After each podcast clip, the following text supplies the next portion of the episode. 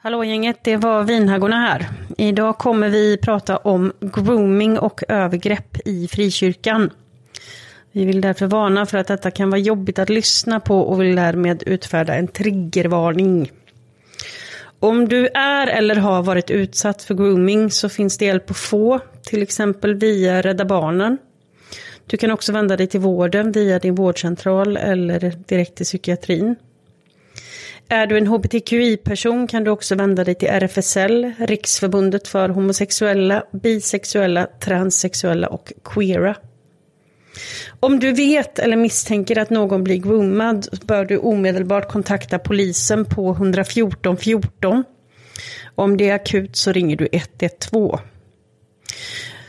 Vi kommer ju som vanligt också raljera, skratta och gråta lite i avsnittet. Men eh, vi ville utfärda triggervarning innan. Så ja, välkomna till avsnittet. Hoppas ni tycker om det. I've been reading in the Bible about the ending of the age.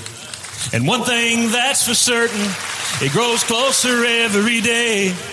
But I am not concerned about the way it's gonna end. Cause I've read the back of the book and we will meet. I've read the back of the book and we will no more living in darkness. Hallå gänget. Välkomna till Kortedala. Idag så är det eh, Solohaggan som får köra allting själv. Därför att vi spelade ju in de här avsnitten kring påsken och då satt vi ju och gjorde flera intron och outron så att det skulle räcka till alla avsnitt. Men i och med att både Amanda och jag har svart bälte i, i inkompetens så, så missade vi ju såklart ett. Så nu får jag sitta här själv. Så att jag tänkte ha en liten genomgång här i vad som har hänt sen sist. Och jag kan väl börja då med, att, eh, med den brännande frågan. Och det är ju såklart om jag har syfilis eller inte. Och då kan jag glädja alla med att nej, det har jag inte. Utan jag, jag var frisk den, den, här gången också. Så att det, allt, allt är som vanligt. Jag kan också berätta att lägenhetsvisningen som jag gick på, ja men det var en etta med, med kök. Men jag känner väl att jag, jag vill inte bo i en etta då jag, då jag är 41. Så jag, jag valde att inte ta den lägenheten. Amanda som har haft lite andra saker för sig, det vill säga livsfarliga grejer. Hon hälsar här och då läser jag, då läser jag högt. Amanda vill försäkra allmänheten om att omplaceringen och återuppbyggnaden av växthuset skedde helt utan blodsutgjutelse. Hon monterade nästan hälften av glasskivorna själv. Och det här är ju 100% blåljug för att hon har ju skurit upp både det ena och det andra. Men i dagens avsnitt så kommer jag ha ett samtal med Eli Linderholm, legitimerad psykolog. Så att vi kommer fortsätta prata om ämnet grooming. Och jag hoppas att ni tycker om avsnittet.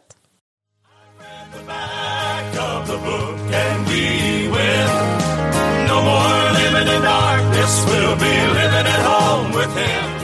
Hörs vi? Vi har ljud. Välkommen till Kortedala, Eli Linderholm. Välkommen tillbaka, får jag säga. Tack. Du var ju gäst här tidigare i vintras i ett avsnitt som heter Religiöst traumasyndrom. Ja. Så nu är du, nu är du återinkallad som expert. känns det bra? Ja, det känns bra. Mm, hur har veckan varit? Den har varit lite eh, hetsig. Mm. Så det är lite svårt att koppla till torsdag imorgon. Men... Som, som vanligt med andra ord. Ja, ungefär. Men vi är väldigt, väldigt glada att du är här. Ehm, vi har ju haft nu tre avsnitt där vår anonyma gäst har fått berätta sin historia om grooming. Så du är ju här, du är ju inkallad som expert för du är ju också legitimerad psykolog. Så att idag ska vi spinna vidare lite på, på ämnet och gå in lite djupare på just vad är grooming och, och allting sånt. Så kan ju börja med att ställa frågan att vad var, vad var ditt intryck när du fick lyssna på hennes historia?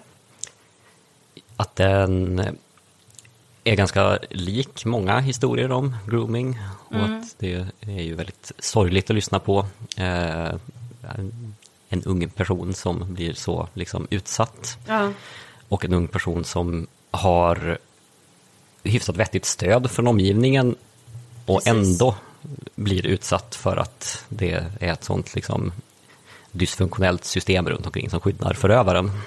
Nej men alltså att det finns absolut eh, riskfaktorer eh, för ja, men personer som mår dåligt eller har dålig relation till sin familj och allt möjligt annat sånt där. Men, men att eh, eh, omgivningen kan också kratta manegen för en förövare. Så att liksom, även om det finns eh, bra människor runt omkring eh, så kan det liksom skita sig ändå. Precis. Men vad, vill du berätta lite om... Alltså, du, du jobbar ju som psykolog. Är det här någonting som du stöter på i ditt arbete? Ja, alltså temat på förra avsnittet som jag var med i var ju eh, trauma. Jag har jobbat mycket med traumabehandling. Precis. Så att eh, då stöter man ju på ganska ofta personer som har hamnat i sådana här situationer. Eh, Det är inte så ovanligt. Nej. Hur brukar det oftast ta sig i uttryck? Jag tänker för att jobbar man med unga människor som kanske inte riktigt har utvecklat sin verbala sida fullt så mycket. Så att hur till exempel märker man att det är grooming som det handlar om om det kommer någon som till exempel har svårt att uttrycka sig för vad det är som har hänt eller vad det är som är jobbigt. Alltså, finns det några speciella sådana här... Alltså att, ja men du vet, lite som, ja men det här är typiskt beteende för någon som har varit utsatt för grooming. Finns det några sådana man kollar efter? Det det som är lite ledsamt där, framförallt när det gäller unga personer, är ju att eh, ja, men man kanske inte förstår själv att det är det som pågår som gör att man mår dåligt. Nej. Det kan vara väldigt diffusa symptom. Ehm, Eller att man liksom mår dåligt i största allmänhet och man kommer inte riktigt åt det.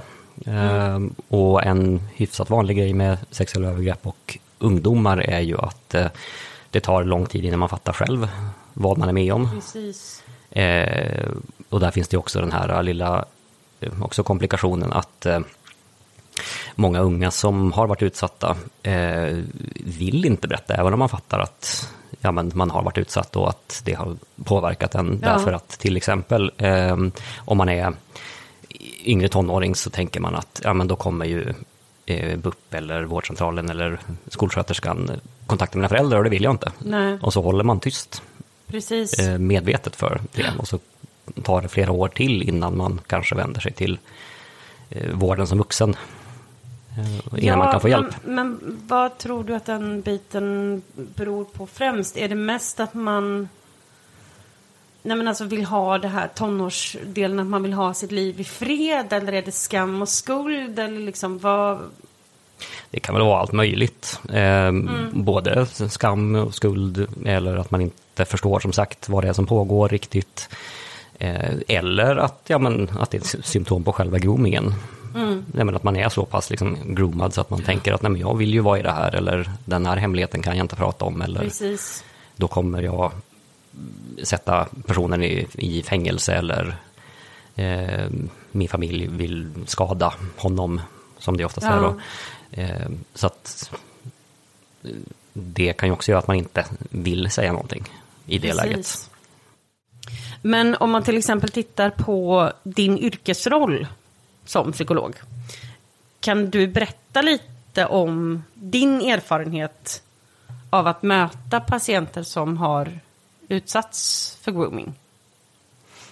Ja, alltså man får prata väldigt generellt då, men, men eh, det kan ju vara till exempel då en person som söker eh, eh, till vården för att man mår psykiskt dåligt. Ja, och man kommer kanske inte och säger jag har varit utsatt för övergrepp nej, eller så, eller jag har blivit groomad. Eh, det händer också, eh, men en ganska vanlig grej är att det liksom, man får nysta lite innan de grejerna kommer fram och där är det väldigt viktigt att vården frågar aktivt om upplevelser av övergrepp.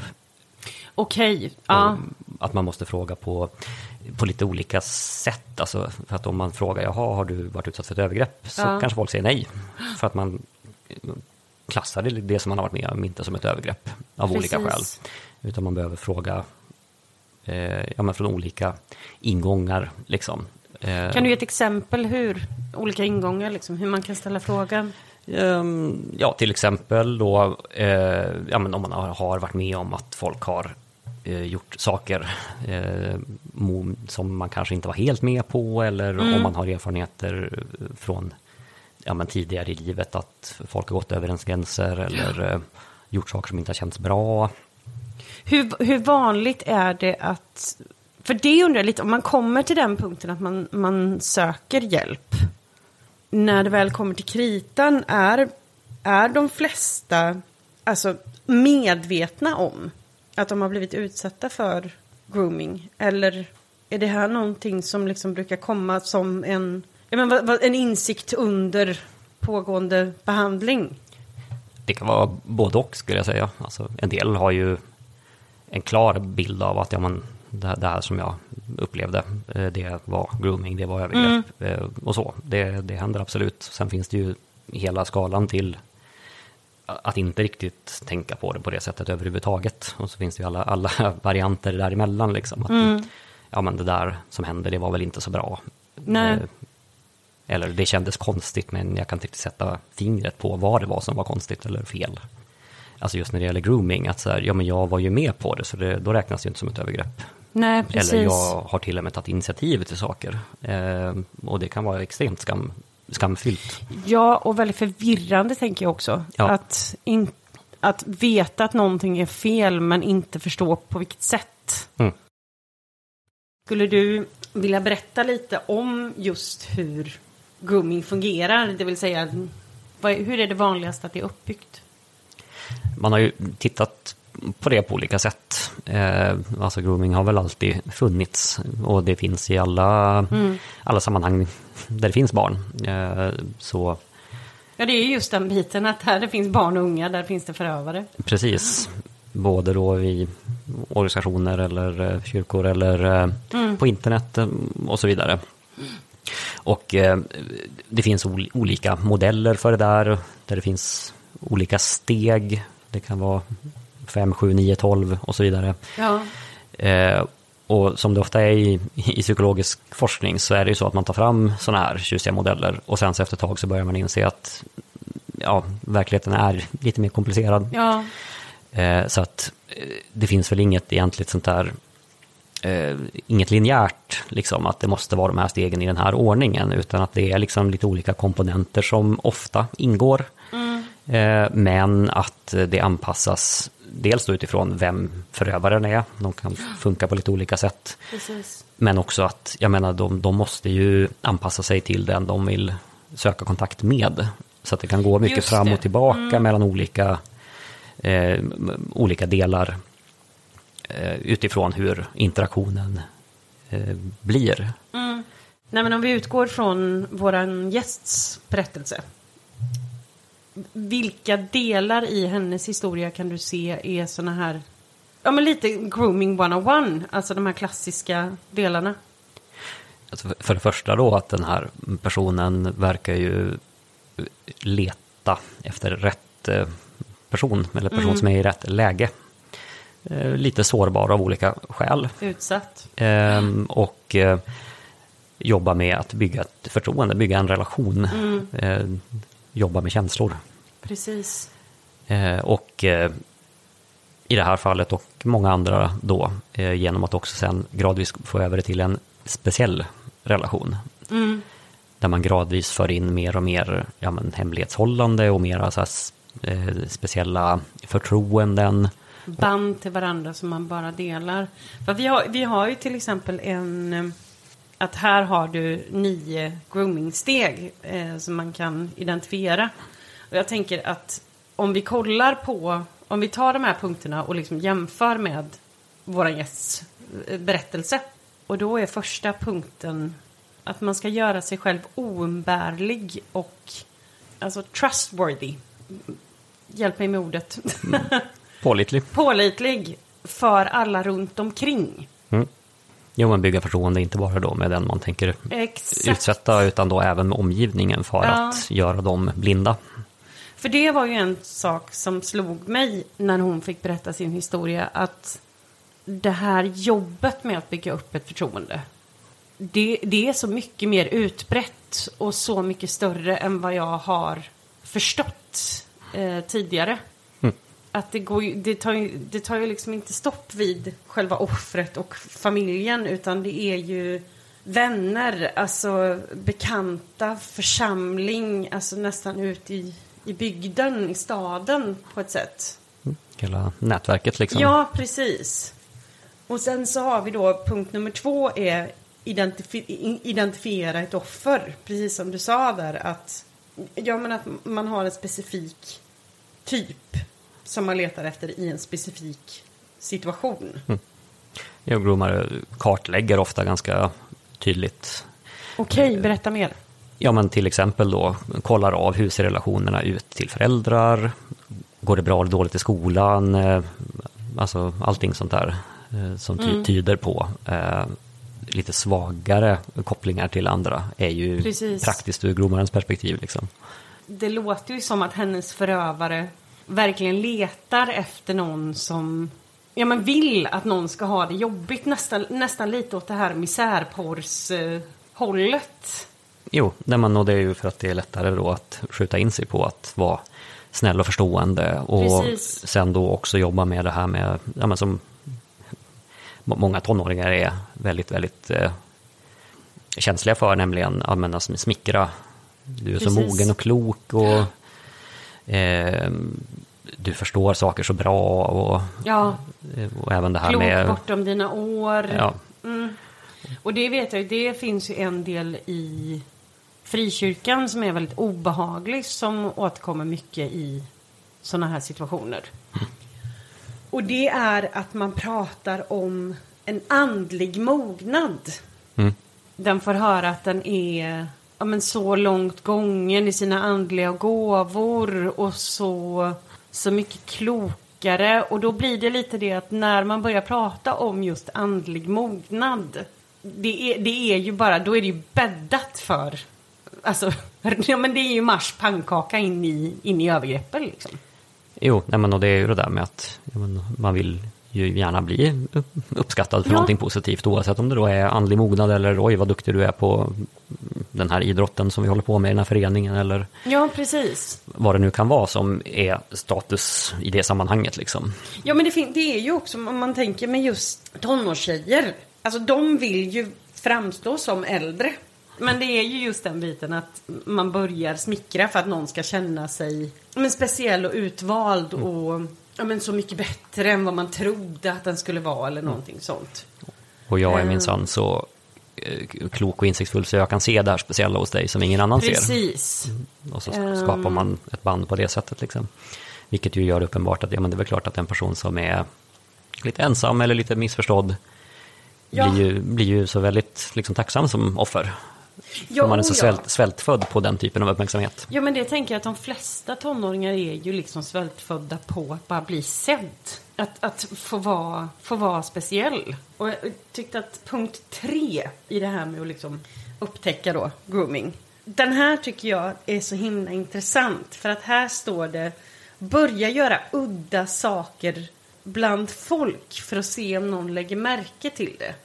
Jo, men det är en sån vanlig mekanism både med andra men också med eh, offret. Liksom. Ja. Att, ja, men man inte bara testar var gränserna går, för det gör, det gör eh, Exakt. förövarna. De testar och pushar och testar och pushar.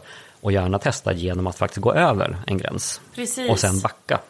Och, och det är ju lite extra eh, lurigt därför Mm. att det ger ju offret känslan av att nej men ja, ja men han lyssnade ju så han var ju schysst. Precis. Men jag, jag sa ju nej och då lyssnade han. Ja. Och så blir det liksom paradoxalt då skapar mer förtroende. Mm. Eller en starkare bindning. För det tycker jag är intressant i hennes berättelse att han tar inte så många fysiska initiativ med henne innan hon tar så att säga det första steget genom att pussa honom på kinden. Och då går han ja, men från noll till hundra ungefär på en, en millisekund. Ja, men då är det verkligen, han har ju bara väntat på att hon ska det är ju han som har, Han har ju gjort puttat det in här en, jobbet. en Ja, i det. precis. Alltså det, det är ju så det funkar. Och det- Och, och fått det att framstå som att ja, men, det var ju du som tog initiativet. Exakt. Och det är det som blir så himla, himla obehagligt. Och det är ju också en del i eh, förövarens olika tankeförvrängningar som liksom legitimerar det man gör. För det är, ju, det är ju det som de flesta som utsätter barn så att säga behöver göra. Ehm, alltså man vet ju att det här är fel. Ja. Men man gör väldigt aktivt liksom, ja, men olika grejer för att göra det mera legitimt. wanna be winners in the games of life that we play. But friend, since I'm a sinner, I've already lost the race. But Jesus' blood can take my sin and throw it in the deep blue sea. He'll put an Jag ska korrigera mig själv, kom jag på att berätta. Därför att jag har fått det påpekat för mig att eh, jag använde uttrycket eh, hebefili fel. Eh, I det andra avsnittet av det här, där jag sa att skillnaden, eller om det var första, men jag säger i alla fall i ett av avsnitten att skillnaden mellan pedofili och hebefili är att pedofiler tänder sexuellt på barn och hebefiler tänder sexuellt på tonåringar. Och jag har fått lära mig att det handlar egentligen om innan och efter puberteten. Mm. Så att, vill du förklara lite, lite om, om, om, lite vidare om dem i och med att jag uppenbarligen sa fel? Alltså, pedofili är ju en, bland annat en psykiatrisk diagnos eh, som innebär att man primärt, inte alltid helt och hållet, tänder på barn som inte har kommit till puberteten än, alltså yngre barn. Liksom. Eh, hebefili är ja, det är inte en psykiatrisk kategori på det sättet och så. Eh, men det som är viktigt att veta med både personer som begår övergrepp mot mindre barn och mot tonåringar, och så, det är ju det att eh, oftast så är ju folk inte pedofiler överhuvudtaget som begår övergrepp mot barn. Det är en vik- viktig grej som Okej, vill du vidareutveckla det lite? Eh, jo, eh, att må- många som begår övergrepp mot barn eh, gör det inte för att de primärt liksom, tänder mest på småbarn, liksom, Nej. utan man gör det ofta... Maktutövande? Eh, ja, och, och faktiskt så liksom, ledsamt eh, för att man hade tillfälle. Okej. Eh, Att det är situationen som liksom, jaha, här fanns det en möjlighet, typ. Vad obehagligt. Ja, det är ju det. Ja. Och det är viktigt att veta, därför att ofta när det blir diskussion om folk som begår övergrepp mot barn så pratar man om pedofiler och där är det ganska viktigt att veta att man behöver inte vara pedofil, tyvärr. Ja. Eh, eh, man, man blir inte säker bara för att man råkar veta att någon kanske har den diagnosen. eh, Nej. Eller att någon inte har den diagnosen, för det, det händer även bland andra människor. Liksom. Alltså hur, hur fungerar det lite närmare med, vill du dra igenom lite kort om hebefili också? Hur det vanligast tar sig i uttryck eller? Alltså det vet jag inte så mycket om, för det, det är nog lite mera en eh, ja, men lekmannaterm eller vad man ska säga. Eh, att det är liksom inte en eh, Det räknas inte som en parafili. sätt. Eller, nej, precis. Ja. Eh, utan det tyvärr används ofta eh, som ett sätt för personer att legitimera att man vill eh, söka upp typ tonåringar. Att jag är Mm. Minsann inte pedofil i alla fall. Eh, Exakt och det kan ju fortfarande bli extremt skevt. Ja, jag tänker jag skulle vilja ha en liten inpassfråga eh, om det här. Jag tänker på det här dumpen kallas det för. Det är något sånt som drivs av Patrik Sjöberg med flera, där de eh, söker upp pedofiler. De utger sig för att vara barn på internet eh, och sen söker upp då pedofiler för att sen outa dem. Eh, lägga upp, jag antar att det är med namn och bild och det här har ju bland annat lett då till ett, eh, ett självmord. En man som då blev uthängd där. För jag, jag kan tänka ofta på det här med, det är ju, många vill ju gärna hänga ut. Och det skaver otroligt mycket i mig när man gör det.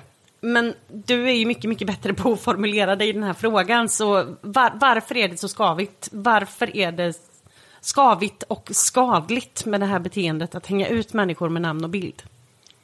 Alltså dumpen drivs av personer som själva varit utsatta och det är ju otroligt ledsamt. Och eh, begripligt att de är arga och att de vill göra någonting. Tyvärr så gör de ju helt fel saker.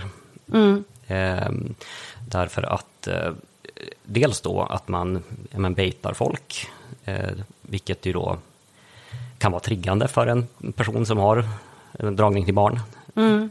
Och sen också då, ja men det här med uthängning, att eh, man eh, riskerar att göra dem ännu mer instabila eh, och eh, mer socialt isolerade. Och om det är någonting som ökar risken för att folk Övergrepp, ska det, ja. begå den typen av övergrepp så är det just liksom stress och social isolering. Och det säger jag ju inte främst för de personernas skull, även om det också är en faktiskt grej att ta hänsyn till, Mm. eh, utan faktiskt för att ja, men, man ökar risken för att de ska utsätta. Utsätta Fler barn. Fler barn, precis. Och det man vet också eh, är ett vanligt hinder för barn att eh, ja, men be om hjälp när man blir utsatt, det är att det är ganska vanligt och särskilt då när det gäller grooming skulle jag tro, Precis. att man också tycker om sin förövare. Exakt. Man är Och- rädd att, man vill inte att den ska råka illa ut. Precis, för det, alltså, det kan ju vara att man är rädd för att personen ska hamna i fängelse eller att man är rädd för att någon ska ja, men, döda personen. För att det är ganska vanlig grej som folk säger, att ja, men, pedofiler de ska man minsann slänga ner för en klippa eller Precis. ja, what not. Så att när man deltar i den typen av eh, väldigt svartvita hatkampanjer mot förövare så, ja, men, ja, man, får ju känna det man känner, men, men, Ja. men det man ska vara medveten om det är just den grejen att det kan göra det svårare för barn att få hjälp. Och det är ju extremt tragiskt. Ja, oerhört tragiskt. Jag tänker att om det är den här biten att man börjar hänga ut pedofiler med namn och bild. Att barn är ju också människor och ser att det här ödelägger liv och hör de om personer som tar livet av sig på grund av sånt här. Då vill ju de ännu mindre berätta. Det är klart de inte vill riskera en sån sak för någon. Ja, och särskilt om man lägger till det här att det är ganska vanligt för personer som varit utsatta att man skuldbelägger sig själv Precis, Och då är det så här, ja men okej, om den kommer till skada, alltså förövaren, så blir det mitt fel också. exakt. Eh. Då har jag ett liv på mitt samvete. Ja, och det är ju helt horribelt när man tänker på det. Ja, gud ja, det vill ju ingen ha. Det är ju väldigt allmänmänskligt. I've read the back of the book and we will. We will. No more living in darkness. We'll be living at home with him. Just det här med gränslöshet hos ledare, det minns ju jag väldigt, väldigt väl från min tid i kyrkan. Att det är det som blir så lurigt i frikyrkan också, för där är ju traditionen att människor lägger sig i ditt liv o, alltså oavbrutet. Du förväntas ha, nej men alltså, ledare som du förväntas berätta alla dina innersta tankar för. Du går på själavårdssamtal, du ska ha människor uppe i din business. Alltså 24-7. Och då vet jag att det kunde vara såna här Ja, nej men eh, du fungerar så här och du fungerar så här och du gömmer dig bakom det här. Och jag minns eh, alltså allt ifrån man fick inte ha liksom sin väska ett tag för att eh, den gömde man sig bakom. Eller eh, man var fast i fåfänga och då kunde man ha ledare som tvingade en att gå och tvätta av sig sminket. Alltså hela tiden det här går över de personliga gränserna. B- Både psykisk och fysisk integritet. Ja. Liksom, det låter ju som att man inte fick ha. Nej, det, det fick man inte. Och sen antar jag den där grejen att, ja men, ja, Gud ser ändå allt du gör. Precis, så det är inte, du, är, du är liksom aldrig, du får aldrig vara i fred. Alltså du får inte ha en enda liten tanke för dig själv. Därför att kommer du någonstans och är lite ne- nere, då är det alltid någon gränslös ledare som skulle dra in dig i ett mörkt rum, stänga dörren och tända ljus och prata om dina innersta känslor. Eh, och sitta nära och be för dig. Säkert ofta i all välmening, men det blir ju just det där gränslösa. Ja, att precis. En ganska viktig grej för alla människor, men, men tonåringar i synnerhet som ska frigöra sig och sådär. Precis. Det är ju den där grejen att gradvis få ta mer och mer ansvar för sig och sitt och att ja, men jag kanske inte vill prata om det här jobbiga som Exakt. jag tänker på idag. Men på den tiden, det var liksom inte ett alternativ, utan det här var, vi lärde oss ju att det är så här det fungerar. Så att sen när jag blev äldre och själv var ledare, då skulle jag ju också vara där och gå över allas gränser i tid och otid. Mm. Och vad tänker du egentligen när det ser ut? Jag, jag, jag upplever att det är någonting så, det är något som skaver i dig och nu ska vi sätta oss i ett rum själva och be. Och, och prata om dina innersta, så att det blir ju en, det blir ju en ond cirkel för att man upprepar ju det här beteendet som man har blivit Ja, utsatt man gör, för gör ju som man har lärt sig. Ja. Liksom. Det är ju inte konstigt. Nej, Men det är ju, bygger ju in en del risker när folk blir vana vid att ja, men min integritet betyder ingenting. nej precis. Och, och andra kan säga till mig vad jag tänker och känner egentligen. Eller Mm. andra genomskådar mig och så vidare. Det, det är inte jättebra kanske. Nej. Och jag tänker också, det är ju en annan sak som jag tycker är intressant här eh, i den här listan då, över steg för grooming.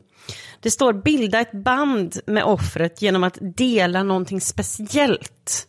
I hennes berättelse så berättar hon om att när hon har pussat honom på kinden första gången, då ger han henne en sten med, med det datumet skrivet på.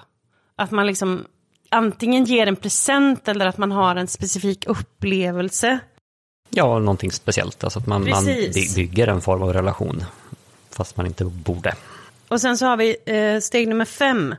Då står det tvinga fram intimitet genom att dela en hemlighet eller en kamp. Jo, nej, men det går ju in i det, i det förra. Ja, men till Precis. exempel det här med att ge ett förtroende om att ja, men min relation med min fru är si och så. Den är Exakt. inget bra. Och det är ju också lite grann det där med att smickra den unga personen. Att oj, nu får jag veta någonting som ja, men en vuxen grej. Och jag menar, Precis. som sagt, det är ju eh, vad att- man gärna vill när man Ja. är tonåring. Att, ja, men jag, Var jämställd. Ja, men jag är vuxen och klok och jag kan få veta eh, saker som barn inte får veta. Eh, Det är ganska potent. Ja men verkligen. Nästa steg är, det är nummer sex och då står det flytta träffar eller samtal till en annan plats. Och det har vi också i hennes berättelse. För då är det ju att hennes pappa hittar ju, eh, får ju telefonräkningen med alla smsen. Och då flyttar de konversationen, inte bara en utan två gånger. För först så pratar de på Facebook. Och sen så flyttar han den konversationen till sms. Och efter det så flyttar han den till WhatsApp för att de får börja liksom gömma spåren. Mm. Jo, men det är ju ganska klassiskt. Man lockar över, om man tänker internet grooming, man lockar över från, säg, ja men kan man säga spel-community till eh, Snapchat eller ja, valfritt Kick annat. eller vad som helst. Ja. Ja. Eh, där det är mindre insyn. precis. WhatsApp är ju krypterat, så till exempel. Just det. Inte Men skulle, skulle det kunna vara en sån grej till exempel att, ja, men, att det är någonting som är bra att veta när man pratar med sina barn om, om grooming? Att inte flytta samtalet till Snapchat eller hur? Alltså det viktiga är väl, om man tänker förebyggande, det är ju där man jobbar med relationen så att den är bra. Eh, och Ja. att man kan prata allmänt om sånt här. Att, ja, men det finns folk på internet som, Vill det illa? ja, Mm. eller liksom eh, vill ha saker av en eller eh, Mm. eh, beter sig underligt och att om det känns konstigt så är det viktigt att de kan prata med vuxna om det. Mm. Eh, Och att det inte då ska vara sådär att barnet behöver gå runt och vara rädd för att om det kommer fram någonting så kommer mina föräldrar ta min telefon. För det Precis. är ju också en sån ganska vanlig grej som vuxna ropar på. Att nej, ta bort deras iPhones bara så löser vi det här. Och, och grejen är ju den att ja, men då tar man ju bort stora delar av barns sociala liv idag. Exakt. Och då är det väl klart att om man tänker att det är en risk så då blir man ju ännu mer obenägen att prata om det med sina föräldrar. Ja, oh ja. Eh, Så att, att jobba för en öppen kommunikation är ju väldigt välgörande överhuvudtaget på Ja. alla möjliga sätt. Eh, Ja, men verkligen. Den sjunde punkten här. Vi har nämnt det lite, det återkommer man till det här eh, gränsöverskridande. överträda gränser för personligt utrymme. Alltså att man till exempel börjar smsa väldigt, väldigt sent på, på natten. Eller jättetidigt på morgonen. Ja, det ingår ju på något vis i att ta mer och mer utrymme i offrets liv. Mm. Och mer och mer bra begränsa möjligheten för eh, offret att eh, ha andra kontakter. Alltså, Precis. det kryper ju ofta fram på det sättet liksom. Hur då? Nej, men att man tar mer och mer utrymme. Mm. Eh, ja, men du har inte tid att sitta och prata med dina kompisar. För du är upptagen med att prata med förövaren. Bara. Precis. Eh, och gärna vid tidpunkter då det är mindre risk att bli upptäckt. Ja. Den åttonde ehm, punkten här, det står att bryta andra gränser. Att det ofta handlar om ehm, ja, men substanser som till exempel alkohol, droger, visa porr, alltså gå över sådana oerhört tydliga gränser. Jo, men det kan ju vara en, en mekanism eh, som också är det där med att ja, men det här är någonting speciellt mellan dig och mig och det förstår Ja. ju alla inblandade att det här måste vara hemligt. Ja, precis. Och det är speciellt när man- gör det till mer och mer en gemensam grej att gå över olika typer av gränser Mm. och flytta då liksom målstolparna Precis. gradvis för eh, ja, gränser överhuvudtaget. Och har man redan börjat då liksom så här, ja men du testade ju det där så då kan vi ju testa det här och det var väl inte så farligt. Mm. Så då kan vi prova den här grejen. eh, Och, alltså att man suddar mer och mer ut gränserna för vad som är ja, men, eh, normalt eller vad man nu vill kalla det. Liksom. Vilket då gör det lättare att få in nästa steg och nästa steg. Den sista punkten på den här listan, nummer nio, det står bekänn en personlig kamp och visa offret att du behöver dem. Mm. Göra offret till alltså upplevt då oumbärlig. Ja, Typ det är bara du som förstår, Förstår mig. Eller mig. Mm. eh, det är bara du som kan eh, hindra mig från att ta livet av mig till exempel. Mm. Inte helt ovanlig grej. nej, Eller eh, jag mår ju så dåligt så att det, det enda som håller mig uppe är vår relation. Eller precis. något sånt. Du pratade ju lite om en ganska intressant sak, att de har gjort eh, mycket forskning om grooming i EU. Ja, de gjorde ett jättestort projekt för några år sedan som handlade främst om nätgrooming. Mm. Eh, Men eh, det har ju liksom bäring på van- vanlig IRL-grooming också. Precis. Eh, Och det man såg där var just det här att alltså, det kanske inte är så enkelt att det finns en tydlig linjär stege som, mm, som alla följer utan att förövare är väldigt, väldigt duktiga på att anpassa sig och kan gå lite fram och tillbaka mellan olika mekanismer som bygger upp eh, grooming-situationen Mm. och anpassar sig till den som de riktar in sig på. Nej, men vi har ju nämnt det flera gånger att det finns ju en problematik kring att kyrkan blir ju en väldigt perfekt plats för en förövare att befinna sig på. För att inte bara så får du fri tillgång till barn och ungdomar. Du kan bara dyka upp och säga att hej, jag upplever att eh, jag har en kallelse att eh, tjäna på det här specifika området. Och då tänker jag att Bortsett från allt det med handlingsplaner, för att det finns ju, det finns ju eh, till, Frälsningsarmén har tagit fram en, en grej till exempel som heter I trygga händer och lite sådär Stopp min kropp och hela balletten där de har utbildningar och sånt för ledare inom kyrkan. Problemet lite som blir är ju att när det kommer till kyrkliga sammanhang, om en man dyker upp och hävdar att han har en specifik kallelse att enbart tjäna och ta hand om extremt snygga tonårstjejer. Då kan väl jag tänka att det kan ju vara en liten Det här händer alltså. Ja, alltså inte uttalat, men jag har ju sett det flera gånger. Man kan ju också titta. Det är ju en sak som faktiskt är att om du är har du personer som är lite gränslösa i din församling, kolla vilka det är den har att göra med. Är det så att den till exempel bara ger uppmärksamhet, det kan vara så enkelt som att titta på ungdomsgruppen. Är det så att precis alla med ett BMI under 25 får jättemycket uppmärksamhet av den här personen. Då kan, det, kan, det, det, vet att det är liksom en liten grej, men alltså man, man kan faktiskt ha ett litet getöga. Vad, vad är det för personer som den här människan har hand om? Eller eh, ja, den som enbart söker sig till de som är mest trassliga eller trasiga. Ja. Det, behöver ju, alltså, det kan ju vara något bra, men det kan ju också vara suspekt. Ja, precis. Särskilt om det är mycket av det här andra, att ja, men befinner sig i slutna rum väldigt mycket ja. själv med folk och sånt där. Det ska man vara väldigt vaksam på.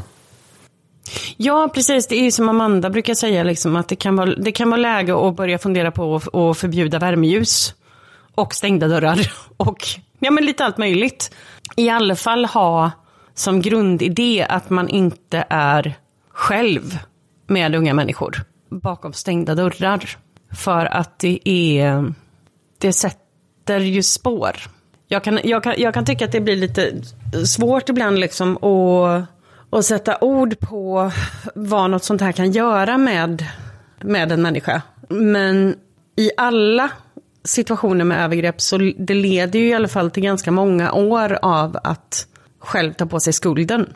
Ja, alltså vi hade ju en fråga där om liksom, vad man kan göra för att förebygga sånt mm. här.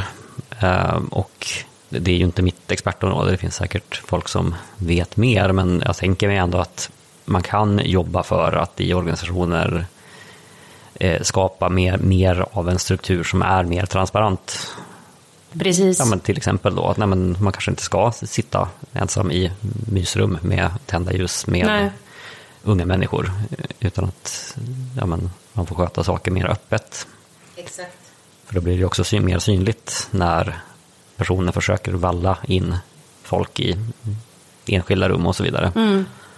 Sen så blir det så tydligt också i hennes berättelse att det är ju, det har ju lagts locket på.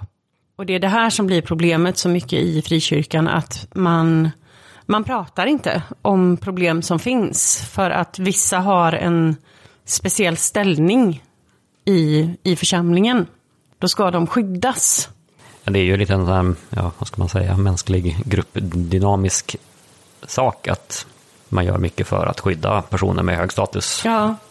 överhuvudtaget. Jag kan känna en sån förtvivlan när jag hör hennes berättelse för att det är ju tydligt att flera vuxna i församlingen kände till att det fanns en viss problematik från många år tillbaka. Och ändå så har det undanhållits och man har tillåtit honom alltså rumstrera fritt i princip. Ja, i vissa fall så är det ju helt uttalat att typ, eh, säg, ja vi vet att den här personen har begått övergrepp, men eh, det skulle bli så jobbigt, dåligt rykte för organisationen om det här Precis. kommer ut, så att det är bäst att vi faktiskt liksom inte tar i det överhuvudtaget. Mm. Och jag kan ju förstå att i vissa situationer att människor gör, ja men du vet, kan bättra sig och kan liksom göra om och för att de helt enkelt inte har erfar erfarenhet eller kunskap i ämnet och, och klantar sig otroligt mycket. Men det blir svårt i en sån här situation när man hör hennes berättelse och vet om att det här med hans alkoholproblem till exempel, att det var känt sedan flera år tillbaka. Och då har han också tillåtits att ha de här nära relationerna med unga tonåringar. I och med att det blir lite kanske samma mekanismer som för den som har blivit utsatt, att det blir väldigt komplicerat när det är en person som har goda sidor eh, som man mm. tycker om och sen då ta in att den här personen gör också saker som är brottsliga, skadliga, omoraliska och så vidare. Det är svårt för många människor att ha två tankar i huvudet på samma gång.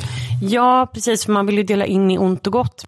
Ja, och, och just den här att det finns ju föreställningar om förövare ja. Eh, i vår kultur som gärna då, apropå diskussionen om pedofiler tidigare, att ja, men, folk som begår eh, sexbrott är på ett visst sätt, de är monster, mm. de är onormala, de är konstiga, de är eh, en speciell sorts personer. Ja. Medan i verkligheten så kan det ju faktiskt vara trevliga schyssta personer som mm. man tycker om, som gör saker som är jätteskadliga för Horribla, andra. Ja. Och den, den kontrasten är svår för många människor att ta in. Mm. Och som då tyvärr underblåses av, ja men till exempel som det här med Dumpen. Precis. Att man, gör- man gör folk till bara monster. Ja, Och då känner man inte igen en förövare, därför att men han är ju snäll också. exakt. Eller hon är ju, hon är inte en man, så då kan man inte vara förövare. Nej, Eh, Eller blir... ehm, han är ju snygg. Ja. Eller eh, han är trevlig och så vidare. Ja, för jag tänker att jag undrar nog om, om det är många funderar på om man liksom bara är helt, alltså några alternativ, att man är helt jävla bränd i huvudet. Att man är, jag tror nog att många tänker att man bara är rent genom ondskefull. Men Eller empatilös de- och så vidare. Vad sa du? Eller empatilös. så. Ja, precis. Men det blir ju ofta i frikyrkliga sammanhang så blir det ju mer så här ondskefullt. För att då har du ju också hela den här aspekten med att eh, man får inte glömma bort att det finns en extra del inom frikyrkan. Att där finns en andlig verklighet. Så att där kan folk hela tiden ursäkta dåligt beteende med onda andemakter. Eller någonting sånt. Ehm, så jag, jag tror att från ett kristet perspektiv så vet jag ju om att det nog är många som tänker att den här sortens beteende beror på att någon till exempel är demonbesatt. Är man demonbesatt kan man också bli befriad. Har man blivit befriad, då har man tillträde till församlingen. igen. Alltså, förstår du hur jag menar? Att det blir en sån... Ja, alltså en sak som känns lite kanske speciell med eh, kyrkliga sammanhang, det är ju den här grejen också att det ofta kommer till att eh, offret förväntas väldigt mycket förlåta. Exakt. Eller att det nästan krävs från Ja, omgivningen. det krävs. Mm. Eh, och det kan ju också bli väldigt, väldigt konstigt när det ska liksom klämmas fram oavsett vad man känner.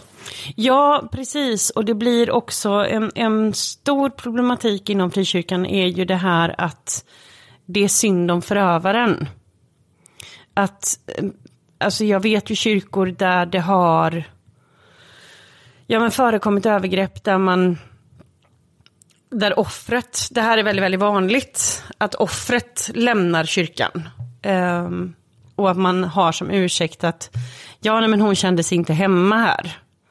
När det i själva verket är så att det, det blir en, en sån grej att det är nästan fler människor som ömmar för förövaren.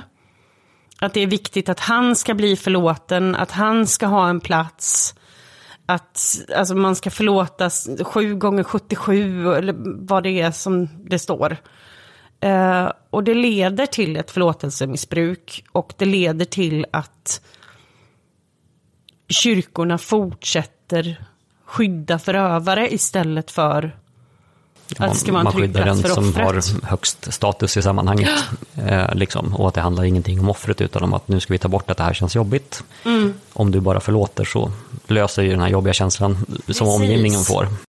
Och vad gör det till exempel om, vad gör det med en ung människa om man hamnar i en sån mardrömssituation där man till och med blir pressad, inte bara av församlingen utan även av sin förövare att ja, men du måste förlåta och, och gå vidare. Förstå. förstå och förlåta och förstå och förlåta. Ja, Det blir ju ganska komplicerat för att alltså just det där med att förlåta eller inte, det är ju en väldigt personlig grej. Ja, Liksom, när man har varit utsatt för någonting, oavsett om det är våld eller övergrepp eller vad det nu kan vara, att för vissa så är det viktigt mm. och man vill gärna det för att komma vidare själva och för andra så är det viktigt att nej, men jag tänker inte alls förlåta det här. nej. Eh, och, mm, det blir ganska konstigt om någon annan ska bestämma hur man själv Ska ska, göra och, och känna Ja, inför någonting som verkligen bara är ens eget val. Men då, då hamnar man åt det där att allt fokus är att det är synd om förövaren. Mm. Det finns ingen plats för offret att liksom få sin upprättelse eller känna att Alltså, särskilt konstigt blir det ju just när eh, hanteringen i övrigt bara går ut på att egentligen rentvå förövaren. Exakt. Eh, inte att ta in förövaren och säga liksom att ja, men det där var helt oacceptabelt, utan att ta bort det jobbiga genom att låtsas som att det här har inte hänt, för att det är så jobbigt för oss att tänka på. I read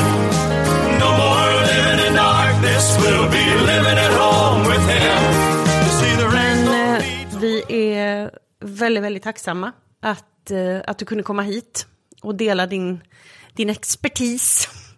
Eh, den andra Haggan är ju ute i, i buslätt och flyttar växthus med livet som insats. Så att vi håller tummarna för att Amanda lever. Jag ska träffa henne på lördag.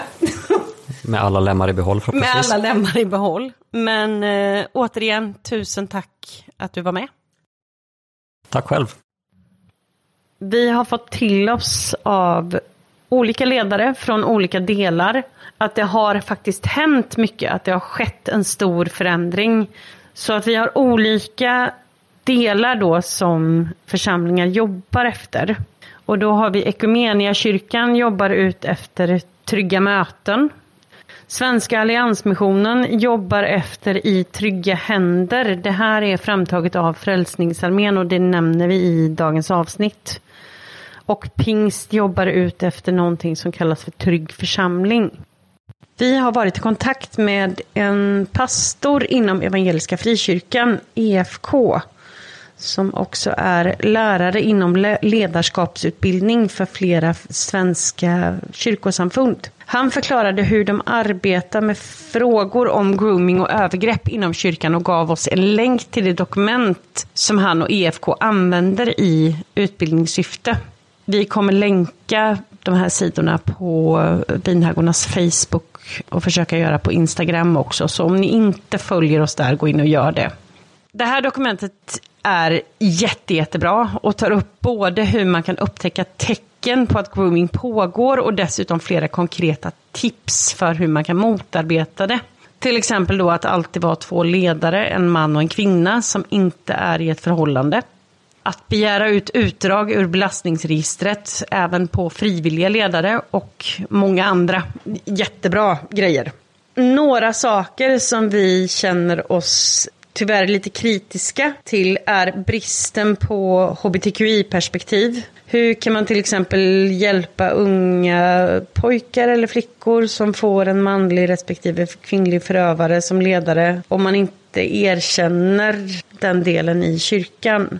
Vi är också kritiska till att det inte är ett villkor för medlemskap i EFK att använda det här materialet. Det är en rekommendation. Men EFK genomför inga utvärderingar eller uppföljningar. Risken är alltså att församlingar som anser att de inte har några problem helt struntar i det eller att någon med goda intentioner hittar på eget material med risk att saker missas eller blir helt fel. Vi vill avsluta vår serie om grooming med att rekommendera kyrkosamfunden att skapa en sanningskommission för att uppdaga och hantera historiska övergrepp samt ge offren upprättelse. Ut efter den här berättelsen som vi har hört så har vi också varit i kontakt med ehm, de benämnda pastorerna i den här berättelsen. Två av dem i alla fall. Och gett dem möjligheten att eh, bemöta det som sägs i podden. Den ena av dem valde att inte bemöta det som sägs. Den andra, han har valt att ge sitt svar. Och han skriver så här. Till den som lyssnat. Det som har hänt är en tragedi. Det finns inga försvar gentemot förövaren eller annat dåligt beteende och dåliga val från pastorer och ledarskap i samband med allt som hände. Det var ett kaos i början och väldigt svårt att reda ut vad som egentligen höll på att hända. Vi var alla väldigt ledsna och chockade över allt märkligt som då skedde. Det vi gjorde när vi fick reda på relationen var att vi tog bort allt ansvar i kyrkan och bland barn och unga från förövaren. Vi försökte också samtala med honom men förstod inte då hela vidden av det mörker som fanns. Sedan det som hände då har mycket förändrats i församlingens arbete kring barn och unga och dess ledare. Vi har arbetat fram en ny policy och arbetar med ett material som heter I trygga händer som syftar till att förebygga och undvika övergrepp, andliga, själsliga och sexuella, i all vår verksamhet. Den man som podden handlade om är sedan dess inte aktiv i församlingen. Idag sitter ingen ledare ensam med någon bakom stängda dörrar. Alla ledare lämnar utdrag ur belastningsregister. Alla informeras om vår policy och vi gör allt vi kan för att undvika liknande situationer i framtiden. För oss är det viktigt att kyrkan ska vara en trygg plats och därför är det som hände så oerhört smärtsamt. Jag har varit i kontakt med den berörda personen och hennes pappa. Samtal som borde ha tagits för länge sedan. Jag ångrar att jag vigde dem. Genom det gav jag legitimitet till något som aldrig skulle ha haft det. Jag trodde då att jag utifrån det jag då visste gjorde det bästa av en väldigt komplicerad situation, men jag hade fel. Jag gjorde fel. Jag kräver inte att någon ska förlåta mig och oss i ledningen för det som hände då, men vi vill efter bästa förmåga försöka ta ansvar nu. Om det finns fler som på olika sätt blivit utsatta och vill samtala med mig eller någon i ledningen så finns vi till förfogande. Tack till dig som varit utsatt för ditt mod att berätta. Mvh pastor och föreståndare i berörd församling. En sak som vi tycker är viktigt att lyfta det är faktiskt förmågan att ta ansvar och att inte skylla ifrån sig. Det är något som vi värdesätter och tycker är väldigt viktigt. En annan aspekt som är viktig, det är att de som har varit utsatta och hör en, ett sånt här bemötande, en ursäkt, det är att det är ingen som kräver av er att ni ska förlåta. Det är ingen som kräver att ni ska ha varma, positiva, mysiga känslor gentemot det här, utan ni har rätt till precis varenda känsla som går genom kroppen. Men eh, det här får eh, avsluta den här serien om grooming. Vi vill säga tusen, tusen tack till er som har lyssnat. Vi, ja, nej, men vi hörs när vi hörs, som vanligt. Ha det gött, hej! And one thing that's for certain, it grows closer every day. But I am not concerned about the way it's gonna end. Cause I've read the back of the book and we will. I've read the back of the book and we will. No more living in darkness, we'll be living at home with him.